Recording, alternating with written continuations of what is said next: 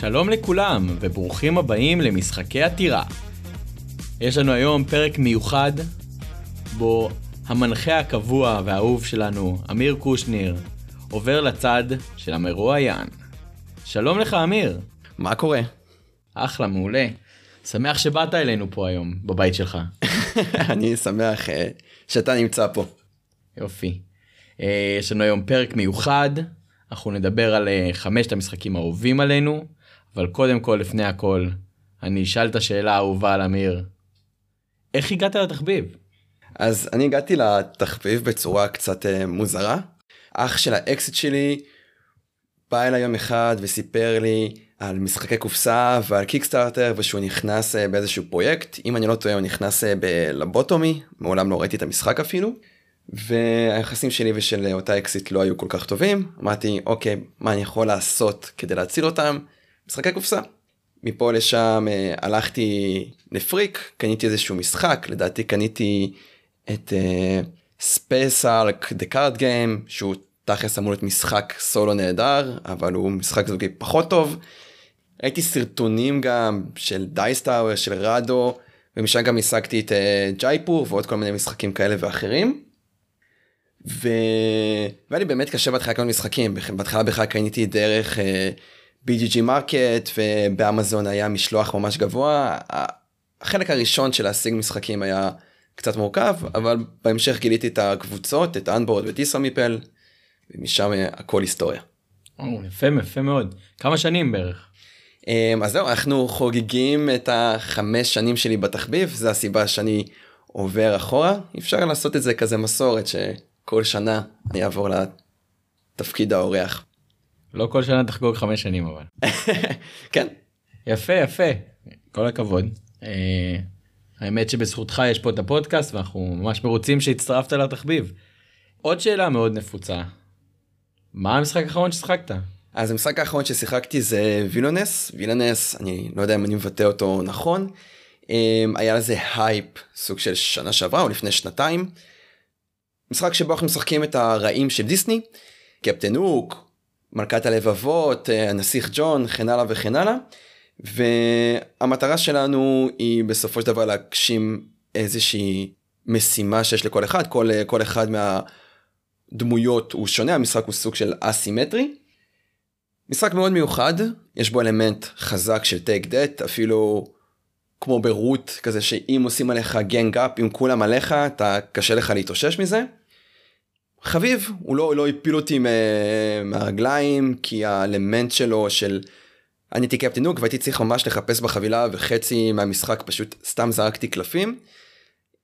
אבל שוב יש כאן מכניקה מגניבה פשוט ההוצאה לפועל שזה הסקירה של המשחק לא כזאת טובה בעיניי. אני חושב שיהיו אנשים שיהנו מזה. שמעתי שההפקה מאוד יפה. ההפקה מטורפת ארט יפהפה.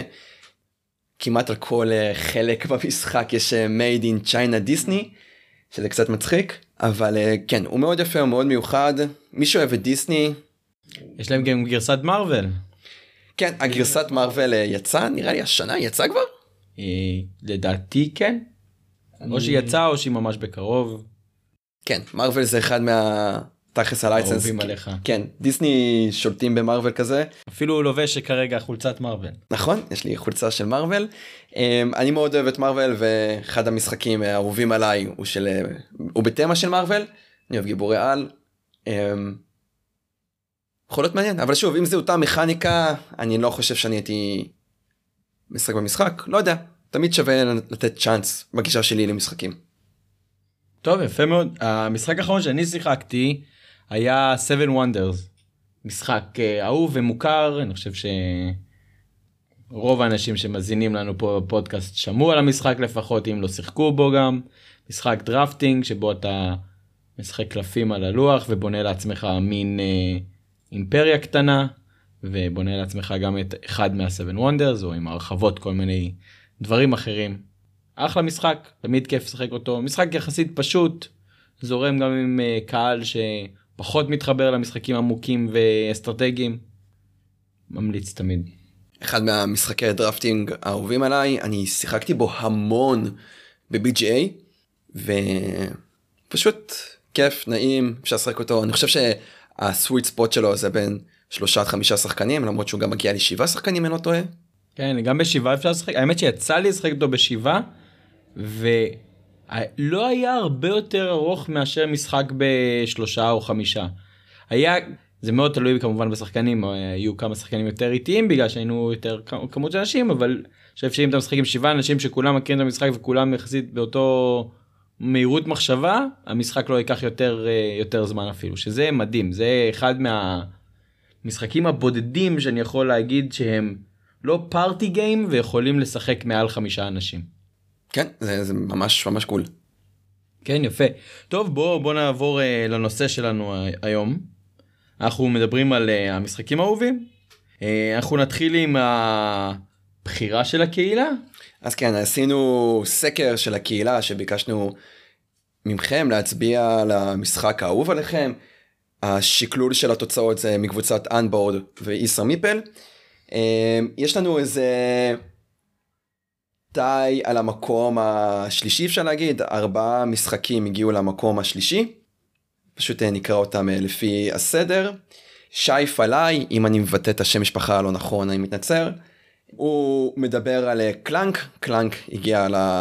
הוא חלק מהרביעייה הזאת של... שזוכה במקום השלישי. אז שי אומר ש Clank לגמרי כבש את הבת שלי ואותי, ביצוע נהדר ל deck building יחסית פשוט ומאוד מהנה, תרגום עברי בקרוב. וואלה, תרגום עברי בקרוב? לא, לא ידעתי. כן, יש את הפרויקט של רועי, שאתר שמכיל בו כל מיני תרגומים של הקהילה. זה מאוד קול. אני פחות משתמש בזה, אבל זה נראה לי ממש מגניב לאנשים, ילדים שלא יודעים לקרוא אנגלית. האמת שהגישה שלי מאוד השתנתה בתקופה האחרונה. אני זוכר שהתחלתי לשחק לא הבנתי אף פעם את הקטע למה לקנות את המשחק לא בשפת מקור אותו דבר עם ספרים אף פעם לא הבנתי למה לא לקרוא בשפת מקור אבל היום לאט לאט אני משחק יותר עם האחיינית שלי או עם אנשים שאנגלית היא פחות השפה שהם uh, מתחברים אליה. ו... וזה שיש את האפשרות uh, משחקים בעברית זה באמת uh, מוסיף ומקל פה ב... לקהילה ל... להתגבש ולהשתפר.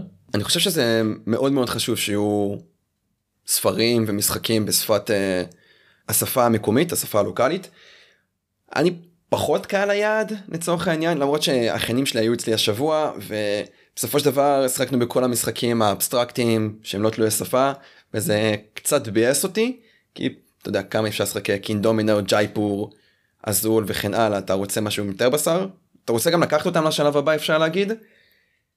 ועקב זה שאין להם אנגלית ברמה גבוהה אחיינית שלי בכיתה A ואחיין שלי בכיתה ג' אין להם באמת אנגלית שהם יכולים עכשיו לשבת ולקרוא ולהבין. הם יודעים בערך אישי איט דוג מאם כן.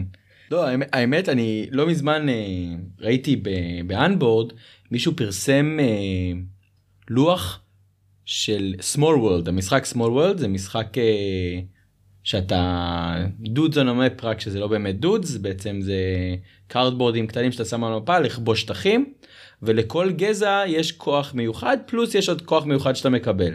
עכשיו אין אין אין שפה ב... בטוקנים ובדברים כאלה השפה זה רק בשביל להבין מה הכוחות המיוחדים. אבל השפה היא באנגלית והיא מורכבת וראיתי מישהו שתרגם בשביל הילדים שלו העלה את זה לאנבורד או לישראמפל אני לא, לא זוכר בדיוק איפה הוא שם את זה וממש זה בצורה מעולה תרגם את זה בצורה מעולה ממש ברור ומובן והורדתי את זה וזה הצלחה מסחררת. וואלה. כן.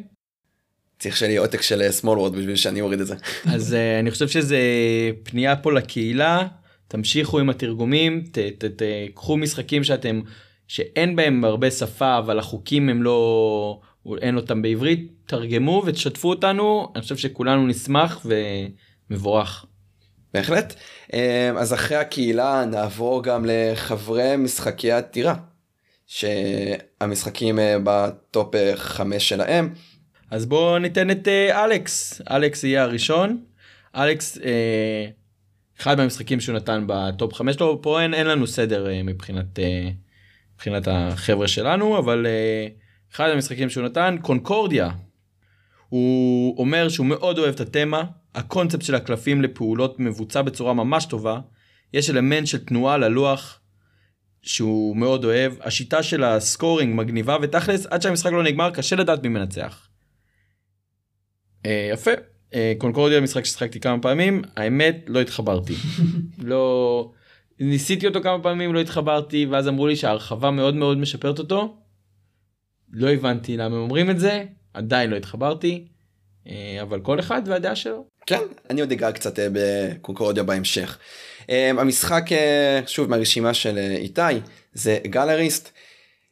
אה, איתי אומר שהוא אחד מהמשחקים האהובים עליו בגלל כל מה שאמרתי כשדיברתי עליו בפרק של worker placement. המשחק הכי אלגנטי שאני מכיר, הוא עושה כל כך הרבה עם כל כך קצת ולא מפסיק להפתיע. יפה וארז בחר את Fields of Arle. המשחק של אווה רוזנברג שכולנו מכירים ואוהבים שיש לו את אה, אגריקולה אני חושב שזה הכי מוכר מהאוסף וגם אה, קוורנה. אה, משחק חוות בגרמניה יקום מקביל משחק מאוד מאוד אווה רוזנברגי. הפעולות עצמן מרגישות נורא פשוטות אבל חיבור של כמה בתזמון נכון מביא מהלכים מעולים. משחק סופר סולידי. אני תמיד תוהה לעצמי, מה זה בעצם אומר סולידי? זה שאלה טובה. אני חושב שזה הכוונה לפחות של ארז או לדעתי מהחוויות שלי עם אגריקולה והמשחקים האלה. המשחק עצמו הוא, הוא טייט יש בו באמת אלמ- האלמנטים טובים האלמנטים נכונים. אתה מרגיש שמה שאתה עושה יש לו את המשמעות. לפעמים אתה משחק משחקים ואתה לא מבין מה קורה בכלל. פה אתה מרגיש שיש לו איזה משמעות. הפעם האחרונה המשחק האחרון ששחקתי של אה, אווה רוזנברג היה קוורנה ואתה מאוד מאוד מרגיש את המשחק. אתה, התמה היא זה אולי ה-worker placement עם התמה הטובה ביותר או החזקה ביותר מבחינת המשחק עצמו החיבור לדמ... ל... ליצורים הקטנים אתה ממש לוקח לך פרה ושם אצלך בלוח זה מדהים.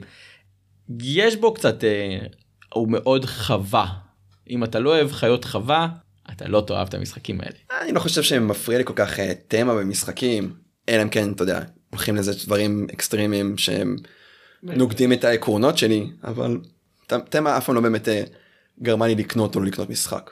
טוב, תספרו לנו גם בתגובות, מה זה דעתכם סולידי, למה ארז התכוון. ארז, גם אתה מוזמן לרשום לנו בתגובות מה זה סולידי. מאחר שאני שומע את המושג הזה כמה או כמה פעמים כבר בחיי. נעבור למשחק ה- המשחק שלך? בוא, כן על המשחק שלי כן? אז בואו אני אתן אה, לפני שאני אתן את המשחק במקום החמישי אצלי אני אתן כמה משחקים שאני מאוד אוהב והיה לי קשה לא להכניס אותם לרשימה אבל חמישה משחקים זה באמת רשימה מאוד מצומצמת. אחד מהמשחקים האלה זה טרה מיסטיקה. טרה מיסטיקה אני חושב שזה המשחק הראשון שקניתי. האמת קניתי אותו כי עכשיו אני שחקתי המון קטן ואז ואז אמרתי טוב זה לוח שהוא משושים ומחוברים וזה מזכיר לי קצת את Catan. ואז קניתי את המשחק ויש בתים שאתה בונה ודברים כאלו שאתה מתרחב. אבל אה, אין ספק שהוא לא דומה ל Catan בשום צורה. משחק הרבה הרבה יותר טוב אין לי בכלל ספק משחק ברמה מאוד גבוהה גם ה production שלו ברמה מאוד גבוהה. מישהו בקהילה שמע את הפרק שלנו שהמלצת שהמשחק הבא מקטן זה טרה מיסטיקה הוא קנה את טרה מיסטיקה הוא אמר שזה קצת גדול עליו.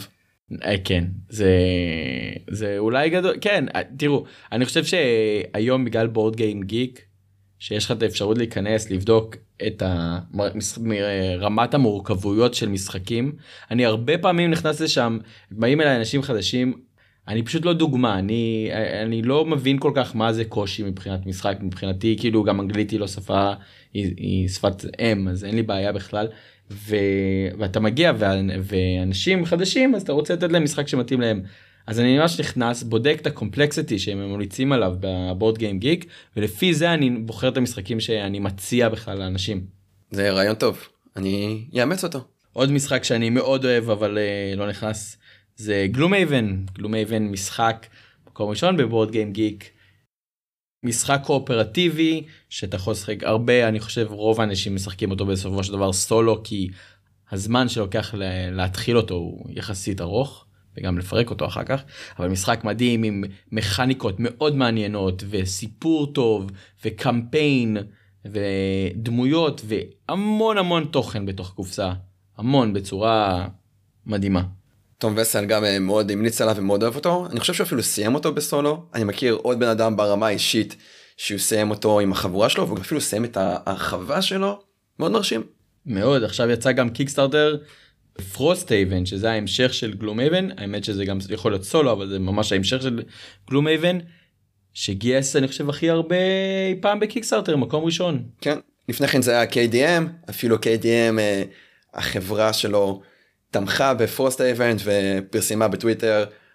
Adam Poots אני מאוד אוהב את Adam Poots. פרסם אה, כל הכבוד שעקפתם אותנו כזה איזשהו פוסט פרגון מאוד אה, חמוד אני מאוד אוהב אה, פרגונים בתוך הקהילה. ספוילר עוד יגיע פה KDM ב- ביום הזה. דיברנו עליו בפרק המשחקים הקואופרטיביים. נכון אבל גם היום הוא, הוא יופיע לנו פה. טוב בוא אני, אני אגיע פה למקום החמישי בעיניי אה, משחק שאני מאוד מאוד אוהב. אה, Eclipse. Eclipse זה משחק החלליות מלחמה בעיניי הטוב ביותר כרגע היום. אם אתה אין לך את השמונה שעות של Twilight Imperium דורש ממך. זה האמת משחק שיש בו אלמנטים של יורו כי אתה בונה לעצמך את החלליות ומפתח אותם אתה יש לך מנוע שאתה בונה ומקבל income הדמות שלך יש לו כוח מיוחד ש... או שאתה אפשר לשחק כולם בתור humans ואז כולם שווים או לשחק עם כוח מיוחד. אתה יוצא לאקספלוריישן במפה ומגלה מקומות חדשים אתה מנסה להילחם נגד אנשים אחרים. כמובן שיש פה קצת עניין של מזל עם קוביות אבל יש כל מיני אלמנטים שמשפרים אות- משפרים אותך ומשפיעים על המלחמה. אה, בתור משחק 4x הוא משחק מעולה. בתור משחק מלחמה הוא משחק מעולה. באופן כללי אני חושב שכל אחד צריך לנסות אותו לפחות פעם אחת. באמת חוויה מדהימה. יש לו כמה בעיות הוא יש לו כמה אלמנטים שהוא שבור בהם הטילים חד משמעית זה משהו ששובר את המשחק אבל יש הרחבות שמתקנות את זה. אה, וגם אפשר להחליט לא לשחק איתם או, או אם, אם יש הרבה מזל יוצאים כמה כאלה ואז זה מתאזן אבל משחק מעולה.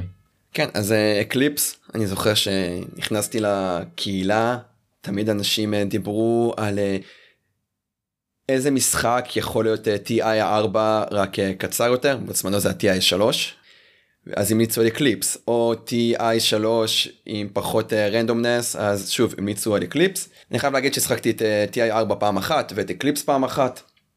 TI 4 הבעיה שלי איתו שהוא באורך הגלות ואקליפס אולי בגלל שזה המשחק ראשון שלי זה הרגיש עליי קצת גדול אבל אה, אולי גם בהסבר משהו לא עבר טוב זה משחק טוב. משהו בעולמות משחקי הקופסה של 4x פחות עובד לי אני מעדיף כאילו אם אני רוצה משחק 4x אמיתי אני פשוט אשחק משחק מחשב. אבל שוב זה אני כי עדיין לא נתקלתי במשחק הזה שמתחבר לי ויושב לי במקום הזה טוב. טוב מעניין אני חושב ש Eclipse עשו את זה בצורה שקשה לי לראות מישהו כבר עושה את זה בצורה יותר טובה. yep. בזמן הזה.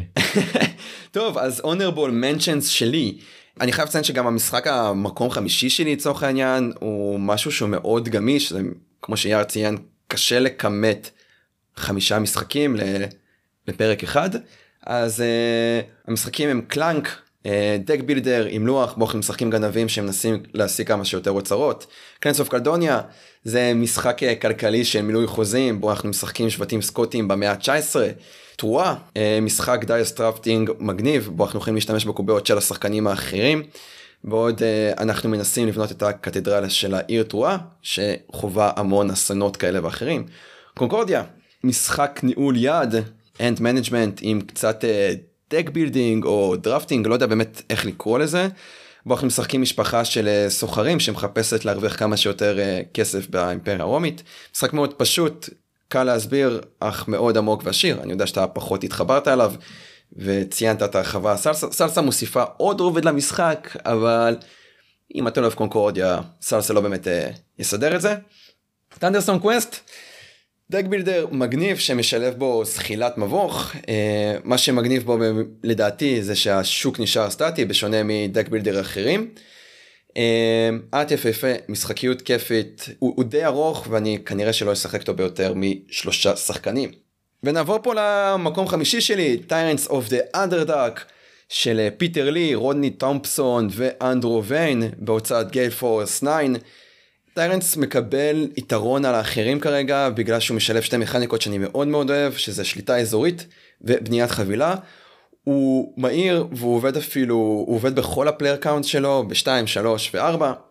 אה, אנחנו ב Tyrants משחקים משפחה של אה, drow, אלפים אפלים אה, בעברית, והמטרה שלנו בסופו של דבר להשיג כמה שיותר נקודות, אנחנו יכולים לעשות את זה בעזרת ה deck שלנו, שיש בו אלמנט מאוד מגניב שאתה יכול לעשות scrap לקלפים שלך, אבל אתה לא בעצם עושה scrap, אתה מקדם את אותו קלף ואז אתה משיג יותר נקודות ניצחון. שליטה על ערים, יש כאן אלמנט גם של total control ו control שאתה מקבל עוד נקודות אם יש את הערים הגדולות שאתה שולט בהם אתה מקבל נקודות כל תור. המשחק מאפשר כל מיני דרכים לניצחון ויש גם באמת המון player interaction אם אתה לא אוהב משחקים in your face שאתה הורג לשחקנים השניים דמויות חיילים משבש לו את התוכניות. המשחק הזה פחות בשבילך אני מאוד אוהב. לא משחק לרדו. לא משחק לרדו, כן, רדו אני לא חושב שהוא יתקרב אליו אפילו. הבעיה שלו בזמנו שהוא יצא זה שהגיע לפורס 9 הוציאו אותו בקופסה ענקית והפרייסטק שלו היה מוגזם בשביל משחק שאתה יודע בסופו של דבר זה מיניאטורות פצפונות כאלה שהם יותר נראים כמו סמנים. אמ, ה art מאוד יפה אבל הם עשו לו overkill מבחינת אה, מחיר מה שפגע בו בהמשך. ועם הזמן המחיר שלו ירד כי ה Gale Force 9 היו חייבים למכור אותו ומה שגרם להצלחה שלו. יש לו גם בעיות של print יש לו בעיות אה, ההרחבה שלו היא לא הודפסה כנראה באותו מפעל אז הקלפים נראים שונה. עדיין זה משחק שאני מאוד מאוד אוהב ומשחק אותו הרבה עם נטע יש מצב שהוא גם ב top 10 של נטע. יפה מאוד כל הכבוד לנטע. מעניין אותי אם, אם יהיה לנו היום crossover ים בין, אה, בין הקבוצות בוא נראה. אנחנו נדבר עכשיו על המשחק הבא שבחרו הקהילה. אוקיי, okay, אז המשחק הבא של הקהילה זה Gloomhaven, הציטוט שאנחנו מביאים פה של ניקיטה גבריאלוב. ניקיטה אומר שהוא לא אוהב קוביות, משהו בלתת למזל לקבוע את ההצלחה שלי, פשוט לא כיף לי, גם אם יש לי יכולת להשפיע עליו. Gloomhaven לעומת זאת הופך את זחילת המבוכים לפאזל עם מערכת תורות פשוטה מאין כמוה, אבל עם עומק טקטי לא מוגבל ואלמנט מזל מינימלי, שיוצר בדיוק מספיק מתח לאורך המשחק. עוד משחק של הקהילה זה Concordia, cross אה, יחד עם אלכס. נתן, פרוטקטור, אה, אומר שהמשחק כל כך פשוט שאפשר ללמד אותו כל קוף בחמש דקות, ולמרות זאת הוא מרגיש אפי, שואב, אסטרטגי בטירוף, והוא לא נמרח מבחינת זמן משחק.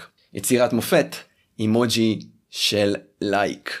אין ספק שהקהילה שלנו צריכה קצת לעבוד על המשחקים שהם אוהבים. אה, אני מאוד אני גם שוב כמו שאמרתי אני אוהב את קונקורדיה אני חושב שזה משחק טוב. אלכס גם אה, נתן אותו בטופ 5 כל אחד והטעם שלו. מקבל מקבל. כל אחד ומה שהוא אוהב. יס. Yes. בוא ניתן את המשחק uh, הבא של אלכס. המשחק הבא של אלכס הוא Age of Steam. לפי שאתם מבינים מהשם של המשחק זה משחק רכבות.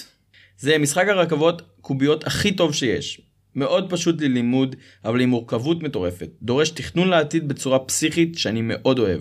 משחק נטו של skill אפס מזל. האמת לא שיחקתי את המשחק הזה. שיחקתי כמה משחקי רכבות אחרים. אבל אה, אולי שווה לנסות. אני מעולם לא שיחקתי עם משחק רכבות אלא אם כן אתה מחשיב את TTR אבל TTR הוא לא באמת אה, משחק רכבות uh, by definition. יש לו תמה של רכבות ושם זה מתחיל ונגמר. אלכס מאוד אוהב אותו זה משחק שצריך אה, לתת לו צ'אנס בוא, בוא נגיד זה ככה. הוא אחד מה granddaddies של משחקי הקופסה הוא... כן מרטין וואלאס שלנו. טוב אה, המשחק השני של איתי זה Marvel Champions. איתי אומר ש Marvel Champions הדיח את Arkham LCG game the card game מהרשימה בגלל שהוא עושה implementציה לאותה מערכת משחק אבל הרבה יותר streamlined וכמובן התמה של Marvel. אני חייב להגיד שאחרי Arkham LCG, אני, אני מאסתי במערכת הזאת של FFG, אף על פי ששוב צ'מפיונס יכול להיות ממש מגניב, כי כמו שאמרנו, מרוויל, אבל לא. אז דווקא המרוויל צ'מפיונס מושך בעיקר בגלל המרוויל, אבל ארקאם uh, זה בעיניי התמה הכי פחות אהובה אישית. אז Marvel Champions חד משמעית uh, בעיניי לא רואה את אה, Arkham. יפה. טוב נעבור למשחק של ארז. המשחק הבא של ארז זה לא מפתיע בכלל Orléans. Orléans. Orléans. אין לנו פה אף אחד צרפתי קושניר הוא מנתניה אבל הוא לא צרפתי באמת. אה, משחק בניית שק, משחק action selection שבכל תור מוציאים עובדים מהשק והם קובעים אילו פעולות זמינות לך. מאוד נקי ופשוט, גם אחד האהובים על הבת זוג של ארז. ועדיין עובד גם אחרי 10 משחקים. טוב לכל player count. האמת, שחקתי את המשחק הזה פעם אחת, הוא היה חביב למדי, הייתי נותן לו עוד, עוד כמה הזדמנויות. אה, אני גם מאוד אוהב את הטעם של ארז, אז אה, אם הוא ממליץ כנראה שאני אוהב את זה גם בהמשך. אני גם שחקתי ב Orléans פעם אחת. משחק מאוד מיוחד, אני חושב שהוא עושה את האלמנט של ה deck building בצורה מאוד מאוד טובה. שוב, זה יותר bag building, אז אותו גברת בשינוי אדרת. הוא היה הרבה זמן ב wishlist שלי. כנראה שיום אחד אני אלחץ על ההדק ואני גם אקנה אותו. יפה, או שתעבור לגור ליד ארז. טוב, המשחק הרביעי שלי זה Dice Throne של אה, נייט צ'נטלר ומאני טרמבלי. אם אני אבטא את השמות שלהם לא כמו שצריך שוב, אני מתנצל, בהוצאת רוקסלי uh, גיימס. אז אני חייב להגיד שדייסטרון הוא אחד מהמשחקים שהכי הפתיע אותי בשנים האחרונות, ויותר מזה הם הגיעו משום מקום מבחינתי. תכלס דייסטרון זה יאצי על סטרואידים, כאשר כל אחד בתורו זורק חמש קוביות.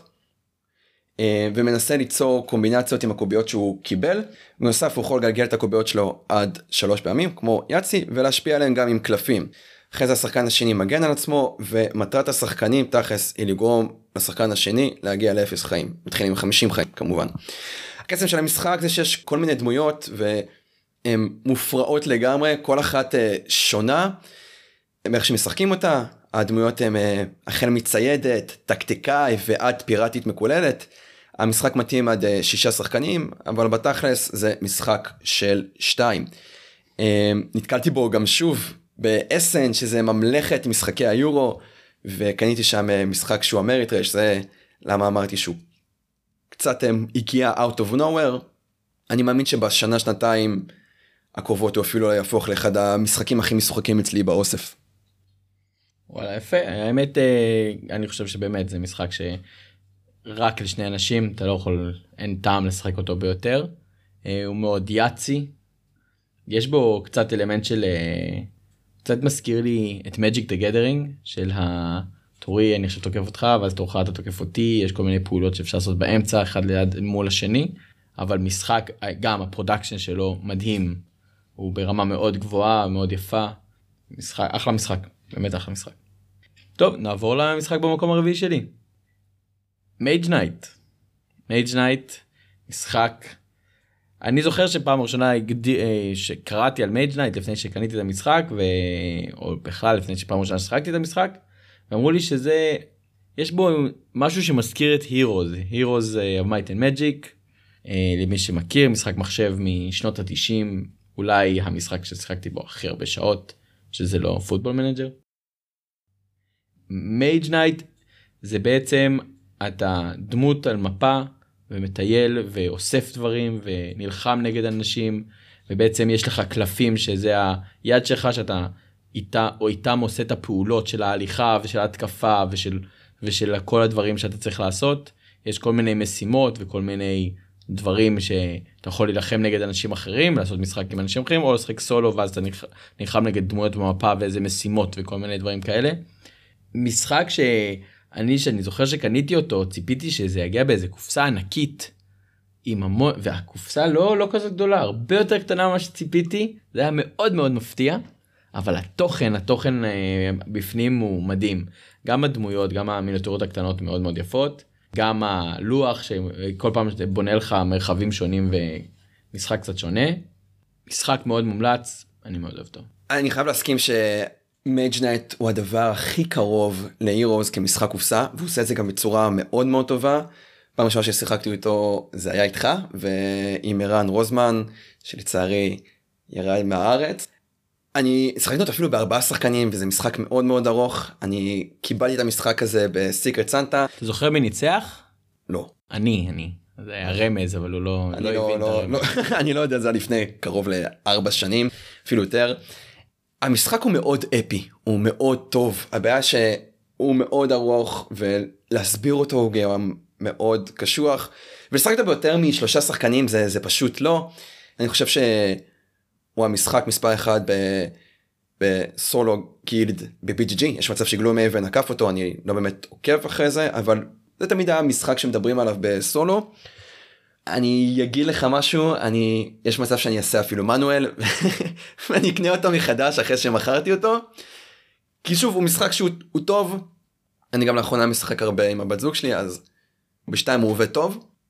אין, אין, אין לי משהו רע להגיד עליו חוץ מזה שהוא ארוך וקצת עמוס בחוקים. דיברנו מקודם על ה complexity ב-BGG אז אז Mage Knight יש לו complexity מאוד גבוה שם 3.7 לדעתי או משהו כזה. לדעתי אפילו יש מצב שהוא נושק לארבע. מסוג המשחקים האלה שאפילו לא משנה כמה פעמים תשחק בהם כמעט בכל סשן יהיה לך איזשהו קטע של עובר על החוקים או שיש אינטרפטציה לא נכונה של החוקים. אני תמיד מפריע לי שהם עושים uh, ספר חוקים ואז עוד ספר חוקים. כאילו לא מספיק לי הספר חוקים הזה אתה צריך גם להסתכל על עוד ספר בשביל להבין עוד כל מיני חוקים שאולי לא הבנת מהספר הראשון. זה כנראה עשיתם משהו לא בסדר אם אתם מגיעים למצב שאתם צריכים שני ספרים שונים שאחד הוא המשחק הבסיס כזה ואחד הוא לנקודות יותר קיצ... אה, קיצוניות אתם משהו לא עשיתם נכון אז אה, זה באמת אה, נט ניטפיק קטן אבל בסופו של דבר משחק מאוד מוצלח וכיף לשחק אותו תמיד. יס. Yes. אז נעבור עכשיו למקום שלישי נתחיל מקום שלישי. שוב פעם עם הקהילה, זה המשחק הרביעי שהיה בתאי של הקהילה. עוד משהו על הקהילה, הקהילה הצביעה ליותר מ-100 משחקים, אה, יותר מ-100 אנשים שונים הצביעו. אני מקווה ששנה הבאה כשנקליט את הפרק אז, אה, אז יהיה לנו מספרים גדולים יותר, אבל שוב, אני חייב להודות לכל אחד שהצביע והקדיש מזמנו. תודה רבה לכם. מאוד חשוב לי שהפודקאסט הזה יהיה סוג של שופר של הקהילה. אה, והפעם המשחק השלישי זה Codenames. אלירן טלר מנהל בישראמיפל אומר עליו שהוא משחק מאוד כיפי לקבוצה של אנשים שרוצים לנסות להיות באותו ראש ולנחש ביחד אה, רמזים. זה מאתגר משני הצדדים של גם איזה רמז לתת וגם איך לפרש את הרמז שניתן ועד כמה אתם מכירים אחד את השני. Codenames הוא ה party game השני האהוב עליי. אחלה משחק. המקום ראשון. Avalon The Resistance. וואו איזה משחק ישן לא שחקתי אבלון שנים זה משחק של בית מרזח. זה משחק של בית מרזח זה משחק של צעקות ולשבת עם חברים שחקתי אותו כמה פעמים בברים בירה צחוקים עם גיימרים עם לא גיימרים עם משפחה אני מאוד אוהב אותו למרות שאני גרוע ב bluffing איכשהו המשחק הזה כן. כי אתה איש טוב מדי אתה לא יכול להיות שקרן. אני גם לוקח את זה מאוד קשה שאתה יש את הקטעים האלה באבלון שאתה מסתכל אחד לשני בעיניים אתה לא עובד עליי אתה איתי נכון ואז בן אדם אומר לך כן ואז בסוף הוא בוגד בך. כן זה לא בשבילך המשחקים האלה. לא, לא לא זה לא בשבילך אבל Code אה, Names זה משחק אה, אני חושב שזה אה, באמת הגיע לרמת מיינסטרים כמעט אה, אני חושב שהוא המשחק אה, הכי נמכר היום ב- בכל העולם. יש מצב. המשחקים המודרניים שהם לא מונופול. אני יודע שהגרסה בעברית היא הצלחה די גדולה. אה, אפילו מייקרוסופט חילקו אותו בתור אה, מתנה לעובדים שלהם. Cool. כן כן. יש גרסה עברית, יש גרסה אה, גרסה של תמונות, משחק באמת מתאים לכל בן אדם מאשר אשר הוא. שחקתי את זה עם מורים, שחקתי את זה עם ילדים קטנים, מאוד מאוד קל להסביר, מאוד קל לשחק אותו. אני לא טוב בו. אוקיי, המשחק של אה, צוות משחקי עתירה. אלכס שלנו, המשחק הבא שלו זה לסבוע. אלכס אומר שלסבוע מבחינתו המשחק הכי טוב של הסרדה. תמה ממש מגניבה עם שימוש מאוד מוצלח של מכניקה. יש הרבה אינטראקציה בין השחקנים. הוא מאוד אוהב את האלמנט של הבנייה המרחבית של הבניינים בשביל מקסום נקודות. אני שחקתי את לסבוע לא מזמן. אני חייב להגיד שזה המשחק הכי מורכב של אה, של הסרטה, יש מצב אולי און מרס יותר אה, מורכב ממנו. קצת קשה לי הגעתי למסקנה עם לסרדה, הוא עושה דברים לשם המורכבות. אני, אני לא יודע, אני אולי זה שוב זה גדול עליי. בסופו של דבר כשאתה משחק את המשחק הדברים מתחברים, אבל לסבר חוקים שהוא לא הכי אינטואיטיבי, ובלסבוע שלך גם כל מיני, אתה יודע, אתה פתאום לוקח, אתה משלם למבנים כסף, ואתה משלם למבנים אחרים באנשי פרלמנט. ואיך שאתה מחליט איך לשחק את הקלפים שלך אם לשחק את זה לטבלו שלך או לשחק את זה כפעולה. יש כאן המון המון דברים לא יודע, אולי, אולי פשוט לסרדה לא, לא מתחבר לי. למרות שאני מאוד אוהב את CO2, זה משחק מאוד טוב בעיניי, משהו בלסבוע היה, לא עבד לי שם. טוב, האמת אה, לסרדה בעיניי אה, הגלריסט זה המשחק הכי טוב, בי פאר כאילו. אה, אבל יש עוד וין האוס שמשחק מעולה. לסבוע האמת לא שיחקתי אישית אני רוצה לנסות אותו אבל לא, לא יצא לי אבל גלריסט זה משחק שאני מאוד אוהב הוא גם לא מורכב אני חושב שלא יצא לך לשחק גלריסט אני חושב. שחקתי את גלריסט הוא סובל מאותה בעיה של הסרדה שלוקח 100 שנה להסביר אותו אבל המשחק בסופו של דבר מאוד אינטואיטיבי ופשוט. אולי מי שהסביר לך לא יודע להסביר. הוא צריך לשמוע את הפרק על להסביר משחקים. אני חושב שהוא השתפר בהסברי חוקים אה, מאז אני גם אה, אמרתי לו את זה גם. הוא עשה את אחת הטעויות אה, היותר גדולות בהסבר חוקים של עוד דבר אחד ועוד דבר אחד ודבר אחרון והוא אמר את זה כמה פעמים וכשאתה אומר למישהו דבר אחרון הוא מצפה שזה דבר אחרון כשזה לא דבר אחרון זה קצת מבאס. נכון זה, זה אני מסכים צריך uh, לדעת להסביר חוקים. און מר זה משחק חדש שיצא השנה אני חושב. כן. Uh, לא יצא לי לשחק אותו שהאמת ש... אבל שם האמת לא שמעתי עליו דברים טובים. הוא שוב הוא לסרדה לקח את זה למקום כמו שאמרתי יותר מדי מורכב ויותר מדי יותר מדי לדעתי שוב זו דעתי. טוב. לא חייבים להקשיב לה. אבל הדעה שלך חשובה לנו. אנחנו נעבור לבן אדם הבא שזה יהיה אה, ארז. וארז אה, בחר ב-Forbidden Stars. וואי וואי. בדיוק כשאמרתי שאני ואני מסכים עם הבחירות של ארז. כמעט הדודס און דה מפ היחיד שהוא ממש אוהב. משחק ביקום של וורהמר. עם מערכת פעולות מתוחכמות שבה קודם מניחים איזה פעולה נשים איפה ואז אחרי שכולם שמו מפעילים אותן. יוצר המון מתח וגורם לכך שחלק מהפעולות אתה עושה כי אתה מנחש מה היריב יעשה. מערכת הקרב הכי כיפית שיצא לי לשחק בה, שמשלבת קוביות ודק קלפים שניתן לשדרג. פורביטד סטאר הוא משחק שסובל מבעיה קלאסית של FFG שהוא לפעמים לוקח יותר מדי זמן. הוא גם עמוס בחוקים ברמה מוגזמת אבל הוא משחק טוב הוא משחק אתה באמת מקבל את התמה אתה באמת מרגיש את אחד מה. אה, גזעים של 40K, גם הם כל אחד שונה, האורקים שונים, והם פועלים בצורה אחרת מהספייס מרינס, מהכאוס מרינס ומהאלדר. שחקתי בו פעם אחת עם ארז ו- וקאצ'ר, עוד מישהו שהוא ב game group שלנו, קדשו אותי. משחק מאוד מיוחד, out of print שזה גם קצת באסה, אבל... אה, אני גם שחקתי אותו פעם אחת גם עם ארז. אה, אפילו לא סיימנו את המשחק היה באמת אכזבה ענקית זה היה ממש אני חושב הפעם הראשונה או שנייה שגם ארז שיחק אז אה, לא בדיוק הבנו כל כך מה קורה היה אכזבה גדולה המשחק היה בעיניי באותו רגע אמרתי אני לא משחק אותו יותר אה, אף פעם אה, ארז נתן לזה עוד צ'אנס וכנראה התאהב במשחק אני חושב שהרבה מהדברים שהוא מגדיר פה יבואו במשחק שאני אדבר עליו בהמשך. מגניב. המשחק השלישי של איתי זה רבליון.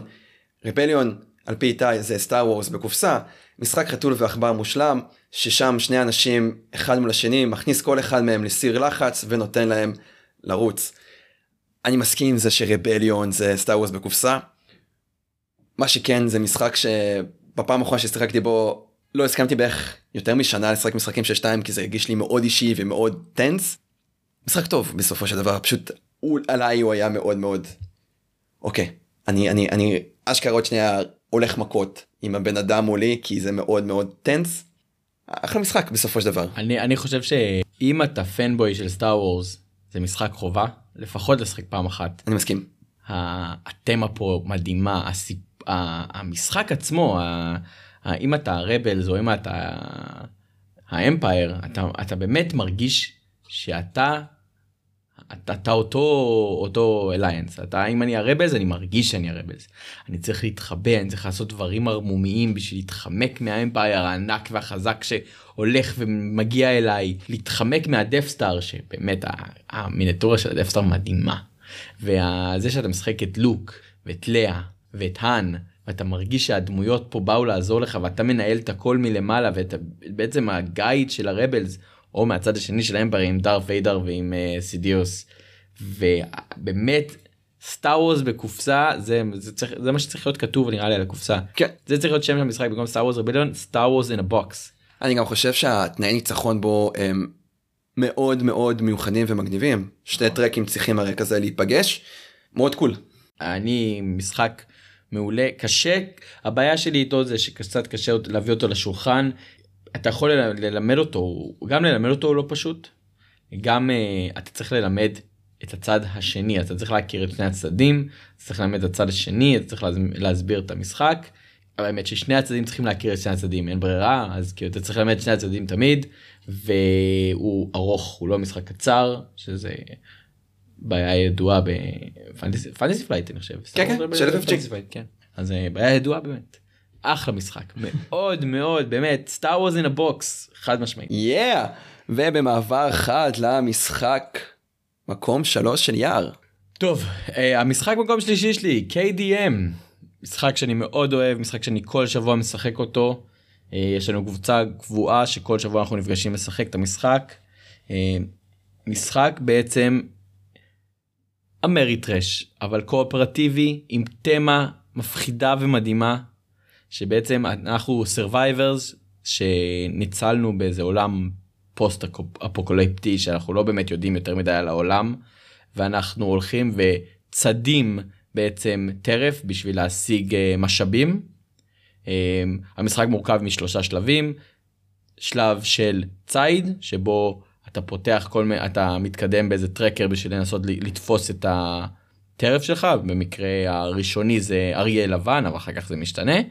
אז אתה מנסה לצוד אותו קורים כל מיני דברים בדרך יכולים לעזור לך יכולים להזיק לך. ברגע שתפסת אותו הגעת אליו נפתח השלב הבא שזה בעצם המלחמה מול, ה... מול הטרף מול האריה. המכניקה של הקרב היא מדהימה בעצם אה, שאתה עושה פעולה אתה מנסה לפגוע אתה זורק קוביות לראות אם פגעת אתה פותח לראות איפה בעצם פגעת ואז ממש יש אה, יש ממש תמה לדבר הזה כי אתה פוגע לו אם אתה פוגע לו ב... נגיד אתה פוגע לו בביצים מוריד לו את הביצים את הג'נטלס ו... ואז הוא בוחר בך להיות הפריימרי טארגט אה, ומאותו רגע שהורדת לו ביצים הוא רק תוקף אותך זה המטרה שלו בחיים לא מעניין אותו כלום אלא רק לתקוף אותך וזה כל כך הרגיש לי הגיוני וסיפורי והסיפורים שאנחנו חווי, חווים בגלל המשחק הזה הם מדהימים. אני האמת שכל פעם אנחנו יוצא לנו איזה משהו מדהים שאנחנו מדברים עליו במשך אה, שבועות גם אחר כך. החלק השלישי אחרי הקרב אתה מגיע חזרה ומייצר אה, יישוב שבו אתה מפתח נשקים חדשים קורים כל מיני אה, אירועים בתוך היישוב ואז אתה בוחר את מי לצוד בפעם הבאה. המנטורות הן ברמה מאוד גבוהה אתה בעצם מרכיב לבד את המנטורות אה, שאתה רוצה אתה מרכיב לעצמך דמות עם חלקים שונים שיש לך אתה יכול לחבר קשת או חרב או נעליים מסוג מסוים וכל מיני דברים שלפי הציוד שבעצם אתה משיג במשחק. ה production value מדהים אבל uh, מצד שני המשחק יקר מאוד קשה להשיג אותו משלוח לארץ הוא גם מאוד יקר. היה לו הצלחה ענקית ב Kickstarter. הקהילה מדהימה זה גם משהו שמאוד מאוד כיף. יש קהילה שמייצרת uh, כל מיני uh, הלפרים בשביל uh, לעזור לך ל... לנהל את המשחק בצורה יותר מיטבית כי יש אנשים שקשה להם עם הדף ועט וכל המשאבים וכל הקלפים וכל זה אז אפליקציה שעוזרת לך לנהל את המשחקים. אה, אדם פוץ היוצר הוא, הוא מאוד מאוד אקטיבי הוא כל הזמן מגיב וכל הזמן אה, שולח אני חושב שזה קיקסטארטר שתמכתי בו לפני מעל שלוש שנים אפילו יותר אני חושב שכן אפילו קרוב לארבע שנים נגיד נניח שלוש שנים. ואני מקבל עדיין כל שבוע מייל עם אפדייט. איזה גבר. אני חושב ש-KDM הוא אחד המשחקים הכי דיכוטומיים בתחביב שלנו זה either you hate it או love it. יש אנשים שהם שוב כמוך שהם מאוד praising it ואוהבים אותו ומעודדים אותו ומדברים כמה שהוא מדהים ומצד שני יש לך אנשים שאומרים וואו זה לא בשבילי אני לא רוצה להיות תלוי בגורל הקובייה. דיברתי איתך עליו כמה וכמה פעמים שיאללה בוא נשחק אותו אבל אתה אמרת לי בפשטות המשחק בכלל נמצא אצלך אצל הזוג הזה שאתם משחקים איתו. כך שהחוויה שלי לשחק KDM תהיה כנראה עמנואל ברגר אבל עקב הקורונה זה לא יקרה בקרוב. אני חושב שזה גם אחד המשחקים הכי יקרים שקיימים היום. מה שכן הדרך הקלאסית ביותר להשיג אותו זה לחכות ל Black Friday לרוב הם עושים אה, הנחות מטורפות הנחות על ה shipping הנחות על, ה... על המשחק עצמו ועל הרחבות. מיניאטורות באמת יפהפיות יש כמה אנשים שצובעים את זה ואני רואה את העבודות שלהם ואני נפעם כל פעם. הגיע הזמן שגם אתה תצבע אותם. זה חטא לא לצבע אותם. זה חטא לא לצבע אותם. אני מחכה שתצבע לי אותם אין מה להגיד אין דרך אחרת. Yes. אוקיי מקום שלישי שלי זה Terraforming Mars של Jacob Fryxelius שוב אני מתנצל אם אני מבטא את השם משפחה לא נכון בהוצאת FryxGames.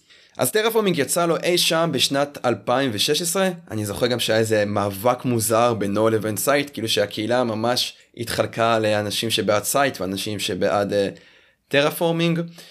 במרוץ הזמן אפשר להגיד ש Terraforming ניצח זה לדעתי מקום uh, רביעי ב-BGG אבל ראוי לציין ש Stonemaier Games מי שהוציאה את Scythe המשיכה ויצרה עוד משחקים יש להם את Wingspan ו Viticulture וכן הלאה וכן הלאה. בעוד ש Terraforming פשוט הם הוציאו לו עוד הרחבות ועוד הרחבות. אז זה כנראה מה שנתן לו את ה boost כי זה tweaking קטנים ששיפרו את המשחק. טרפורמינג מרס זה משחק שהוא פשוטו כמשמעו.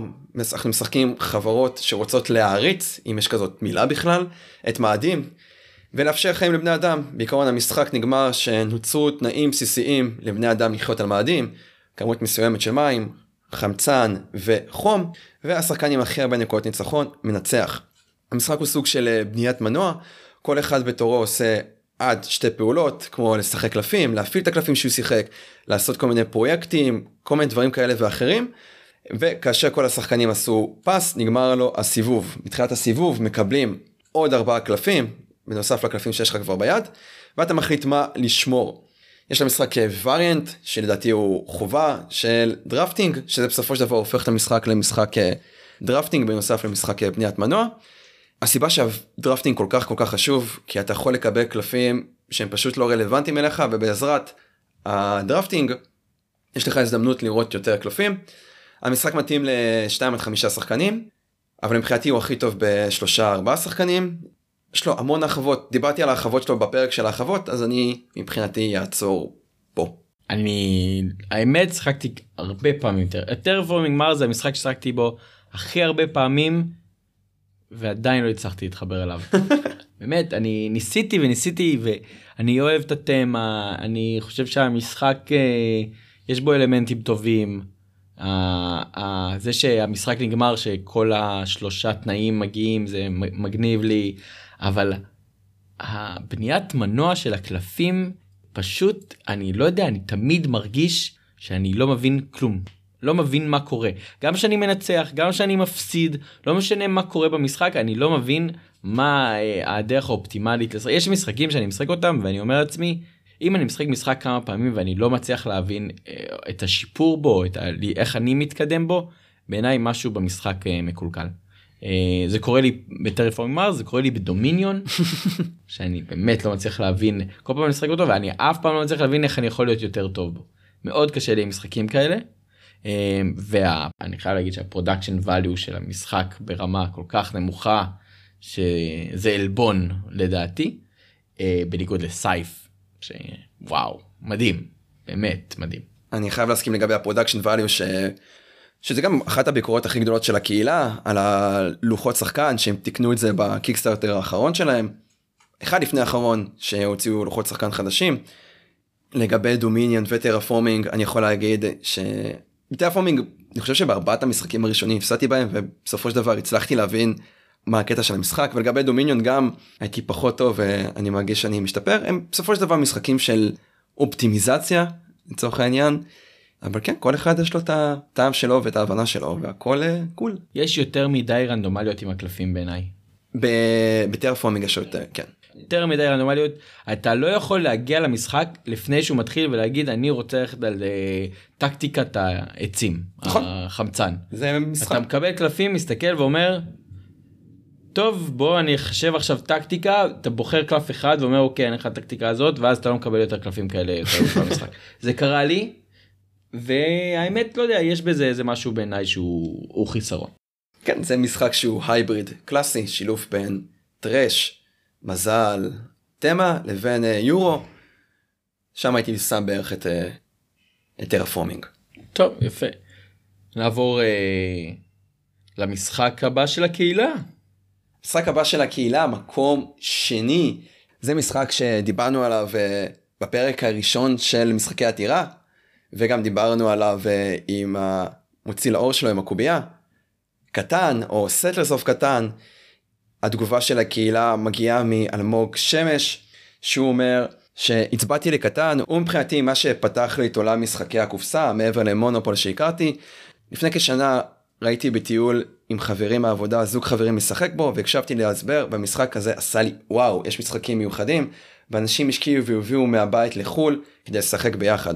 אז נכנסתי לתחום משחקי הלוח, ושיחקתי בהתחלה בקטן ג'וניור עם הבן הגדול. התלהבתי, אחר מכן עברתי לקטן הקלאסי, וממש ממש אהבתי. קטן, מקום אה, שני של הקהילה שלנו, משחקים אהובים. כן, טוב, אה, קטן, אני חושב שכולנו יודעים מה הדעות שלנו פה על Catan. אה, באמת ה... הground breaker הראשון של משחקי הקופסה המודרניים. אחלה משחק. מאז שהוא יצא כבר יצאו משחקים יותר טובים ממנו, אבל לתקופתו אין ספק שהוא נתן משהו שהיה חסר. חזרה לצוות שלנו. כן, אני אתן את המשחק אה, הבא של אה, אלכס. Crisis. ה-worker placement היחיד שהוא מוכן לשחק תמיד. take מגניב של משחקי חצי co-op עם מכניקה מאוד מגניבה של production ובניינים מצד אחד מאוד מעניש מצד שני סופר מספק שמצליחים לייצר קומבואים שווים של משאבים ונקודות. מבחינתו חובה לשחק עם החוק בית שמפעלים יכולים להפעיל אחד את ה... עם התוצר של השני. אלכס דיבר על, ה... על Crisis גם במשחקים שלא מקבלים מספיק אהבה. מי שרוצה לדעת ולשמוע על זה יותר, יותר ממומלץ לשמוע אותו. המשחק הבא של ארז זה Star Wars Rebellion. ארז אומר לא צריך להרחיב אחרי ההסבר של איתי אני חושב שגם אנחנו לא צריכים להרחיב אחרי הדיון שלי ושלך. הנה crossover אה, ראשון לדעתי. crossover ראשון של משחקי עתירה כן בין אה, ארז לבין אה, איתי.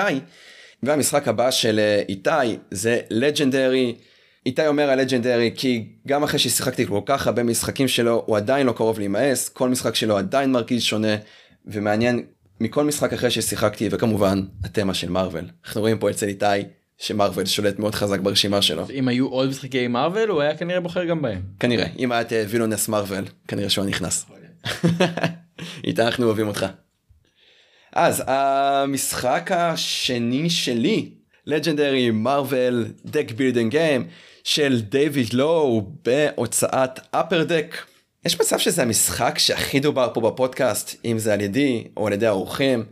Legendary הוא deck builder שיתופי, בו כל אחד נלחם ברשעים של מארוול, Kingpin, לוקי, טאנוס, Red Skull, כל רשע שקיים הוא כנראה מופיע שם. לכל רשע יכולות משלו, ובנוסף יש גם uh, עלילה, סקים, שיוצרת עוד קושי למשחק ועוד uh, גיוון.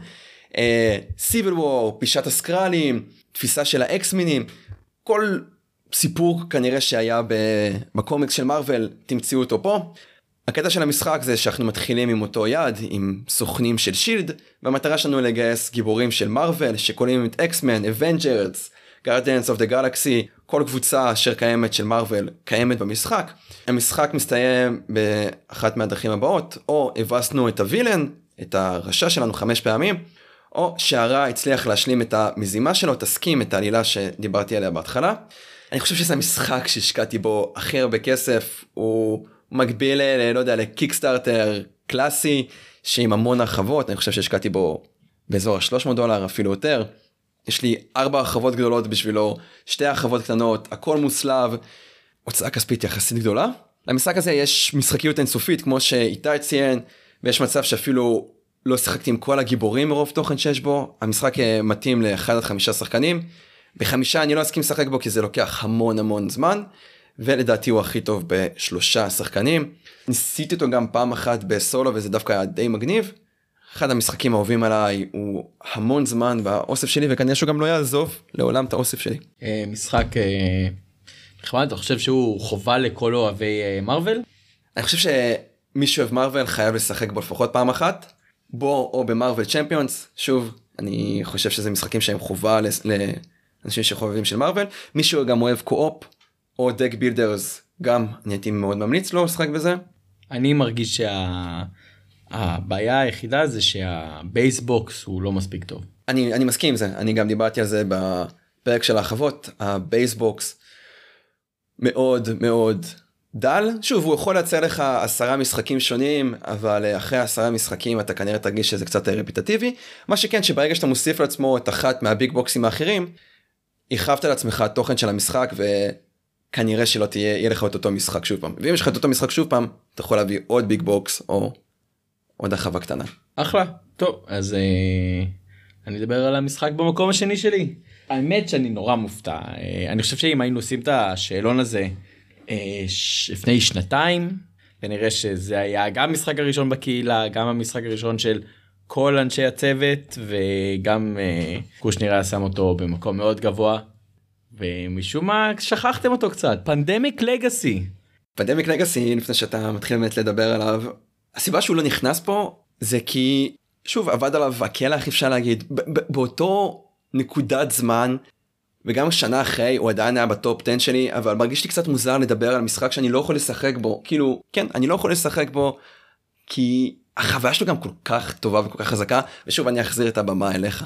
אני אגיד לך מה אם זה היה משחק שאתה משחק בו פעם אחת או פעמיים הייתי אומר בסדר הגיוני אבל אני חושב שאת המשחק הזה יש מצב ששיחקת פנדמיק לגאסי יותר מהרבה משחקים אחרים שדיברנו עליהם פה. מהמשחקים שדיברנו עליהם לא. לא? לא. הבעיה כמו שאתה אני יודע יותר תרחיב על זה בהמשך שזה משחק של 12 עד 24 משחקים זה תלוי בהצלחה נכון, שלך אבל uh, גם יצאה עונה שנייה ועכשיו יוצאת עונה 0 זה לא שאתה משחק בו 12 פעמים וזהו יש איזה המשכיות. טוב אה, פנדמיק הבסיס הוא משחק אופרטיבי שבו אנחנו מנסים uh, להציל את העולם מארבע מחלות שונות שמנסות להשתלט ולחסל את הערים הגדולות. משחק קואופרטיבי שכל אחד הוא דמות מסוימת עם איזה כוח נוסף אבל בעצם המטרה זה לעבור בין הערים לרפא את המחלות שלהם ולמצוא תרופות למחלה וככה מנצחים זה המשחק פנדמיק הרגיל. לגאסי הפך את זה למשחק עם עומק ומשחק עם המשכיות שכל דבר שאתה עושה משפיע על המשחק הבא. זה מה שבעיניי גרם לו להיות משחק כל כך מוצלח ובאמת מדהים מדהים מדהים. אתה מגלה הפתעות במהלך המשחק שברוב משחקי קופסה בסופו של דבר המשחק הוא סולידי. אתה משחק אותו אתה יודע מה לצפות אתה יודע איך זה אמור להיות. אין פתאום שינויי חוקים שינויי שינויים כאלה דרמטיים שבאמת משפיעים לך על המשחק הוואו פקטור הוא מדהים. גם המשחק עצמו הוא פשוט משחק כיף אין אין אין פה דרך אחרת לראות את זה. החוויה המשותפת ש, שאתה משחק אותו עם עוד אנשים שאתה יודע שפעם הבאה שתשחק מה שעשית עכשיו הולך להשפיע זה משהו שלא קיים כמעט במשחקים אחרים. אני חושב שזה אני כבר אמרתי זה אחד המשחקים הכי אוהבים עליי. כשהם מבקשים ממני המלצה על משחק אני כמעט תמיד אתן אותו אחרי שאני אבין מה מה הטעם של אותו בן אדם מולי. הסיפור בו מאוד טוב מי שאוהב פנדמיק או משחקי קרוב זה משחק פרפקט בשבילו. עונה 2 לדעתי פחות טובה מעונה אחת עקב הסיפור שלה הסיפור שם כתוב בצורה פחות טובה מכנית הוא משחק יותר מעניין יותר טוב פשוט הסיפור שם ש, של אחד הוא כל כך טוב ואתה כזה ממש מרגיש invested וכל מיני טוויסטים שקורים שם אתה ממש מרגיש כאילו אתה חלק מהעולם. שתיים לא הצליח לעשות את זה לצערי מקבל מקבל את הגישה הזאת לגבי שתיים אחד אה, הוא האהוב האהוב האמיתי שלי אבל אה, גם שתיים אני מאוד נהניתי לשחק אותו. תום וסל פרסם אה, ביקורת גם על, על אחד יחד עם שאר הצוות של של הדייסטאמר ומבחינתו סליחה על אפס ומבחינתו זה הפנדמיק לגאסי הטוב ביותר. וואו מעניין איזה כיף האמת ההתרגשות שאני שלחתי בקבוצה של, ה... של החבר'ה שלך אנחנו משחקים משחקים ביחד. שיוצא פנדמיק 0 היה התרגשות שיא בחיים לא היה התרגשות כזאת גבוהה. אני יודע שאנחנו בטוח נקנה את זה ישר שזה יצא ונשחק אותו ונספר לכם איך היה. אני רוצה להגיד אבל ש... שלפני המשחק הזה לא אהבתי משחק קופ בכלל לא לא התחברתי למשחק קופ לא הבנתי את הקטע אה, שיחקתי פנדמיק את המשחק רגיל בעבר הוא היה בסדר אבל לא לא היה את העניין הזה ברגע ש... זה זה באמת הכניס אותי לז'אנר שלם של משחקים שלא הכרתי או שלא אהבתי לפני ורק על זה מגיע לו להיות אה, במקום כזה גבוה במיוחד שאני אני יוצא לי לשחק הרבה משחקים שהם קואופרטיביים בעקבות זה וקמפיינים. מדהים מדהים מדהים. ונעבור ל number 1 number 1 number 1 של הקהילה וזה cross נוסף שלי עם הקהילה זה Terraforming Mars. Terraforming Mars נבחר ברוב קולות. Uh, התגובה שלקחנו מהקהילה זה של אבישי שושן. Terraforming Mars אולי המשחק שאני הכי אוהב אין סוף משחקיות חוזרת כל משחק נראה מאוד שונה משחק שבו תזמון זה הכל וגם מזל. אז דיברנו על טרפורמינג מרס דיברנו על המשחק כבר אז uh, אנחנו נמשיך לחברי הצוות של משחקי עתירה. שנייה לפני שאנחנו עושים את זה אני רוצה גם להגיד uh, תודה למורן uh, על, על הבלה שעזר לי לסכום את כל הקולות ביחד. תודה רבה מורן. אני מעריך מאוד את העזרה והליווי שלך של הפודקאסט שלנו. אה, אני עכשיו אתן את המשחק מקום ראשון או משחק ששמרנו אותו לאחרון של ארז וזה היבשת השביעית. פעם פעם פעם. אחלה משחק. כל הכבוד ארז. אני חזרתי לתמוך בך.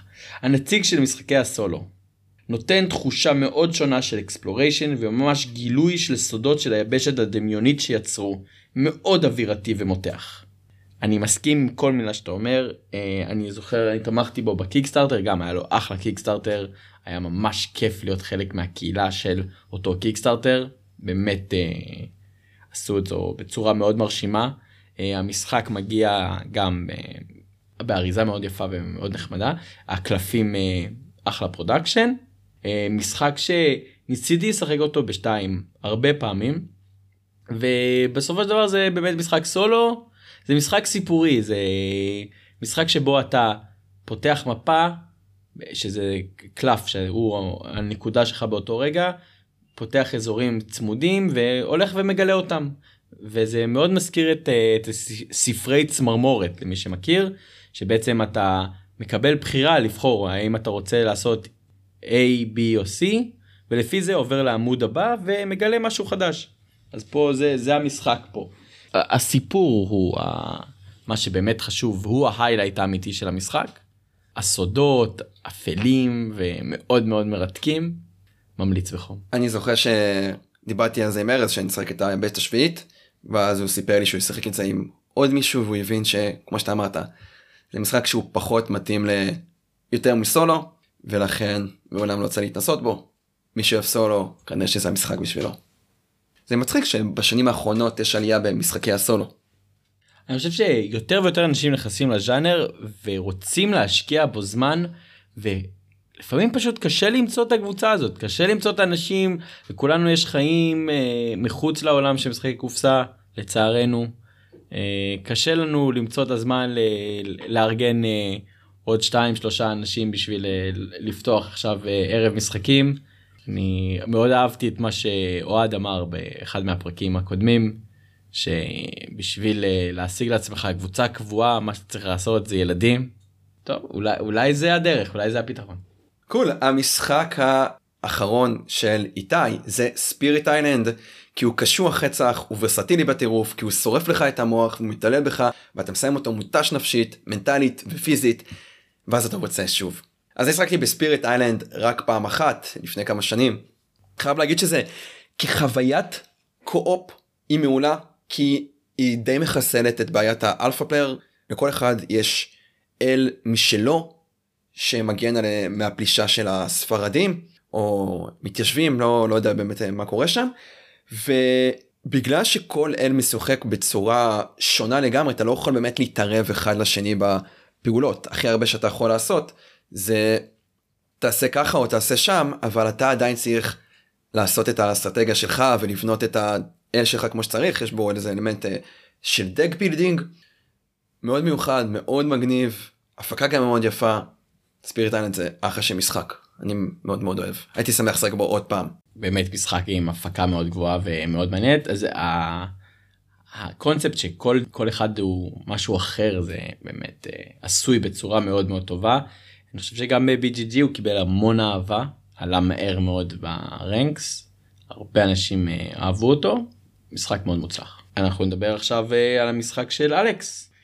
אז אלכס בחר במומבסה, שזה בחירה מאוד מעניינת. משחק מלחמה במסווה. זה לא אלכס אומר, זה פיסטר אומר. פיסטר הוא היוצר של המשחק. Uh, שילוב ממש מגניב של שליטה אזורית ומניות. uh, עם תמה מאוד מוצלח, מכניקה טובה של שימוש בקלפים כתשלום לפעולות והרבה אופציות שונות לשחק. אני שחקתי פעם אחת במומבסה, הוא לא, לא יודע, אני לא יכול להגיד ששליטה אזורית או מלחמתי באיזושהי צורה. מבחינת אלכסנדר פיסטר אני יותר מעדיף את Great Western Trail שלו, זה משחק טוב, אבל שוב, הוא פחות הטעם שלי. גרייט ווסטרן טרייל זה משחק גם שקיבל, אני חושב שהוא קיבל הרבה יותר uh, אהבה ודיבור ממומבסה. Uh, למרות שאני אני מסכים פה עם, ה, עם אלכס מומבסה יותר טוב בעיניי מגרייט ווסטרן ואם הייתי צריך לבחור תמיד אני אבחר במומבסה. בוא uh, עכשיו נעבור למשחקים מקום ראשון שלנו. מקום ראשון שלנו. אני אתחיל ונשמור את האורח שלנו קושניר פה לסוף. שייתן לנו את ההפתעת המאה סתם כולנו יודעים מה המשחק מקום ראשון שלו אין אף הפתעה. אבל מה המשחק מקום ראשון שלי? משחקי הכס! Game of Thrones, וואו איזה משחק. אני חושב שבין המשחקים הראשונים שתרגמו לעברית, שהוא פשוט לא מתאים לשוק הישראלי, או אני חייב להגיד, הוא לא מתאים, הוא משחק ארוך, מלחמה, קשה, הוא לא מתאים לקאז'ואל גיימרס. הסיבה היחידה שתרגמו אותו לעברית זה בגלל ההצלחה המדהימה של הסדרה אה, של HBO שכולנו מכירים מי שלא מכיר אז אה, אתה לא, אני לא יודע איפה אתה חי איפה אתה חיים בשנים האחרונות. משחקי הכס זה בעצם ספר ש, של ג'ורג' אר אר מרטין שעשו לו עיבוד לסדרה ופנטסי פלייט גיימס עשו לו עיבוד למשחק קופסה. יש בו אלמנטים שמאוד מזכירים את דיפלומסי uh, הוא לקח את דיפלומסי ועשה לו מין תמה והרחבה. אין ספק שזה משחק מדהים אנחנו רוצים לעשות פרק שלם על משחקי הכס אז אני לא אכנס פה לפרטים על המשחק אני אשמור את כל זה לפרק uh, אחר שאנחנו נקליט כאן במשחקי יער. אני חושב שמשחקי הכס שהוא תורגם על ידי מנקי טיים הוא אחד המשחקים שהייתי הכי הרבה נמכרים בקבוצות בתרגום העברי שלו כי מאותה סיבה שאתה אומר אנשים הולכים לסטימצקי או לחנות כזאת ואחרת ואומרים אה משחקי הכס אני אוהב את הסדרה אני אוהב את הספרים קונים את המשחק הזה. יש מצב שהם אפילו לא התנסו בקטן והמשחק הכי כבד שהם שיחקו בו זה הרמז או מונופול ואז הם פותחים את זה והם מקבלים משחק של FFG שהוא עמוס בחוקים שהוא קשוח ורובם אפילו לא ישחקו בו. זה משחק מדהים שיחקתי בו פעמיים השנה שיחקנו וכל משחק הרגיש שונה. מאוד תמטי אתה מרגיש שאתה משחק את הבית המסוים שאתה משחק. אם אתה משחק את הסטארק יש לך שם את הדמויות של סטארק. יש לך כאילו את ג'ון ויש לך את uh, רוב וכמובן שאת uh, סנסה. סנסה. ואם אתה משחק את uh, לניסטר יש לך שם את uh, טיירון טייווין. כל החברה הטובים טריון ואני פשוט בלקאוט. אבל זה מאוד מאוד תמטי אני חושב שהמשחק הזה עושה עבודה מאוד מאוד טובה. אפשר להגיד שהוא סוג של הייבריד לא הייתי באמת קורא לו המריטרש קלאסי כי אתה יכול לשלוט על המהלכים שלך יש בו איזשהו אלמנט של מזל זה מה ש... שארז דיבר על פורבידן סטארס הוא אומר אה, פעולות על מפה ואתה לא יודע מה היריב שלך שם זה משחקי הכס מה שמדהים בעיניי במשחקי הכס הסדרה והספר זה האינטריגות. המהלכים הדברים שאתה אומר וואו אני לא ציפיתי שזה יקרה. זה גם קורה במשחק זה מה שמדהים במשחק.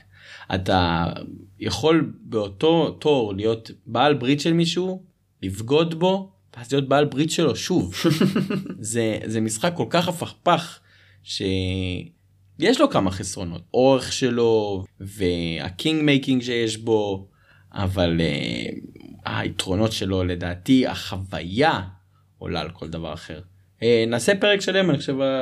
הפרק הבא של יער במשחקי עתירה יהיה על משחקי הכס.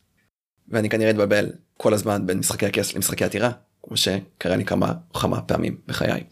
המשחק number 1 שלי זה Chaos in the Old World של אריק לאנג בהוצאת FFG.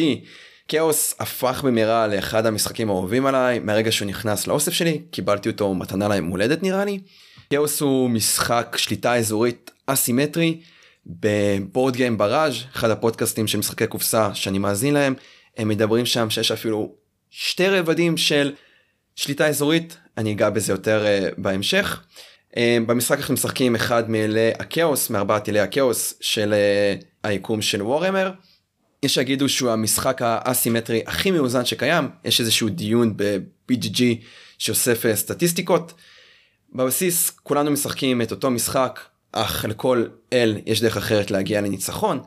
המשחק מסתיים כאשר אחד השחקנים מגיע ל-50 נקודות או שהגלגל שלו מגיע למצב שרשום שם ווין. המשחק מתנהל שלכל אחד מהשחקנים יש נקודות כוח בהם הוא יכול להשתמש בשביל לזמן מיניאטורות או לשחק אה, קלפים כאשר המטרה היא כאמור או להשיג נקודות או לסובב את הגלגל. החלק הכי כיפי שבמשחק לדעתי שיש כאן אלמנט שאתה יכול להפתיע את השחקנים האחרים תמיד אתה לא יודע מאיפה תגיע התקפה של אחד השחקנים אם זה על ידי קסמים או התקפות. משחק במשחק הזה כמעט 20 פעמים וכל משחק יתנהל בצורה שונה לגמרי.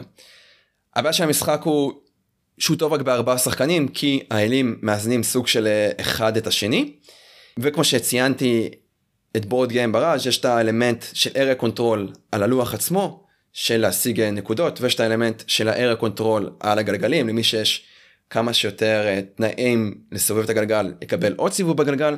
יש כאן שוב שתי משחקי area control סוג של אני מאוד מאוד אוהב כמעט תמיד. מה זה כמעט תמיד? אני אסכים להביא אותו לשולחן. אם מישהו יפנה אליי קושניר בוא נעשה כאוס אין דולד ווד אני אגייס קבוצה ואנחנו נשחק בזה ולנו כיף מאוד. מעניין מה שאתה אומר על האיזון אה, אני האמת לא לא הרגשתי את זה כל כך בפעם שלושה פעמים שחקתי את המשחק הזה אפילו אפילו נראה לי ארבעה פעמים שחקתי איתך את המשחק תמיד היה קצת יתרון לקרון. אני חושב שדווקא קרון הוא אחד האלים שהפסיד ברגע שאתה מבין את העיקרון של קרון אתה מבין? יכול להיות אבל uh, תמיד uh, יש איזה מישהו חדש שלא יודע מה הוא עושה וקרון פשוט מחסל אותו ואז uh, קרון מקבל מאוד הרבה כוח שהוא מחסל מישהו. אני מאוד אוהב את התמה. וורהמר uh, זה ילדות בעיניי. אני גדלתי על uh, על גיים וורקשופ על וורהמר. היה לי אפילו מנטורות של כל האלים האלה בגלל זה נורא אהבתי ששחקנו את המשחק הזה. אני לא יודע איפה המנטורות האלה היום. לצערי הילד שהייתי לא שמר על דברים. ו... אין לי אותם יותר. גדול. אתה ענק. עצוב מאוד עצוב גם גם קלפי מג'יק גם uh, מיניטורות של וורהמר uh, הדברים הלכו לעולמם לצערי. המשחק באמת uh, משחק מעניין יש בו אלמנטים שלא נתקלתי בהם בדברים אחרים שזה היה מאוד מאוד uh, נחמד. אני גם חושב שתמיד הייתי מוכן לנסות אותו שוב. אש. יפה אני חושב שהגענו סיימנו עם כל המשחקים האהובים עלינו. מעניין לשמוע מה אתם חושבים חברינו פה בקהילת משחקי הקופסה בארץ ישראל. תנו לנו פה בתגובות תגידו מה אתם אומרים. לפני שאנחנו נלך אנחנו נעשה את המסורת היחסית חדשה שאני אף פעם לא הייתי בצד השני שלה עדיין ולכן אני גאה להיות הראשון ששואל את אמיר את השאלות האלה. אה, שאלות הבזק של משחקי עתירה. יש כמה שאלות שהוא תמיד שואל אני אשאל אותו גם אז נעבור קצת לשאלות קצת יותר מעניינות. אה, יורו אמריטרש. הייבריד. אה, הוא הכין את זה מראש. משחקים ארוכים או קצרים? ארוכים. כמות שחקנים 2 או 4? 4. להתארח או לארח?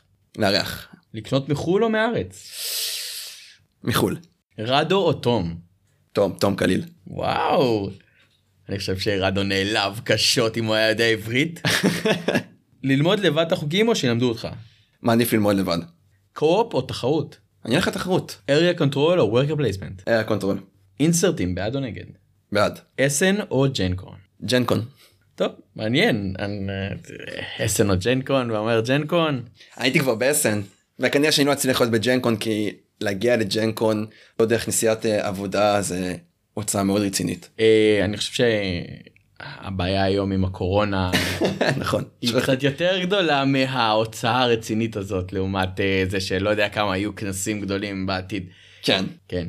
טוב היה היה תענוג אה, מילות סיכום אז היה ממש מגניב להיות אה, אורח מאוד מוזר להיות בצד השני. שתבינו הוא גם יושב ממש בצד השני של השולחן אני לקחתי את המקום שלו הקבוע. האמת שהמקום הזה הרבה יותר נוח, אני מבין למה הוא מתגעגע אליו. ממש מגניב לדבר על משחקי קופסה, זה הפרק הכי ארוך שהקלטנו. אני מאוד אוהב את מה, ש... מה שאני עושה, את מה שאנחנו עושים. לתת תוכן לקהילה, לתת שופר לקהילה, שנוצרים דיונים, שאנשים נחשפים למשחקים חדשים, שאני נחשף למשחקים חדשים, לאנשים חדשים. קהל האנשים ששיחקתי איתם בזכות הפודקאסט מאוד גדל. אני בקשר אה, עם כמה או כמה חברי קהילה הודות לפודקאסט. אפשר להגיד שזה הפסיכולוג האישי שלי. ובמקום כזה של לתת בחזרה לקהילה עברנו על הרשימה של האנשים שעשו לייק לעמוד שלנו והחלטנו לתת uh, משחק חזרה לקהילה. אז אריק מיולר אתה זכית ב Dragon & Flagon, צור איתי קשר בפרטי ונמצא דרך להעביר את זה אחד לשני. יפה מאוד. אה, כמה מילים אה, לסיכום. בעיניי אני באמת חושב שהפודקאסט הזה זה, זה כלי מדהים לחבר את הקהילה. ממש אני אני מרגיש אני אף פעם לא הייתי כזה מחובר לקהילה כמו שהיום באמת אה, כיף לי לדבר על משחקים זה התחביב האהוב עליי כיום באמת אה, יש לנו קהילה מדהימה בארץ אה, רואים את זה יותר ויותר אה, אני מאוד נהנה. אני חושב שכל האירועים כמו דרקוניקון ואירועים אחרים שמאוד כיף לי שאנחנו מקליטים את הפרקים האלה. זהו תודה רבה לך אמיר שבאת להתארח אצלי בפרק היה לי מאוד כיף. מקווה שנהנית אני מקווה שאתם נהנתם ואם אתם רוצים ליצור קשר עם אמיר אתם יכולים לעשות את זה דרך הפייסבוק ודרך עמוד שלנו ודרך הפודקאסטים ולהקשיב לנו ואנחנו תמיד שם.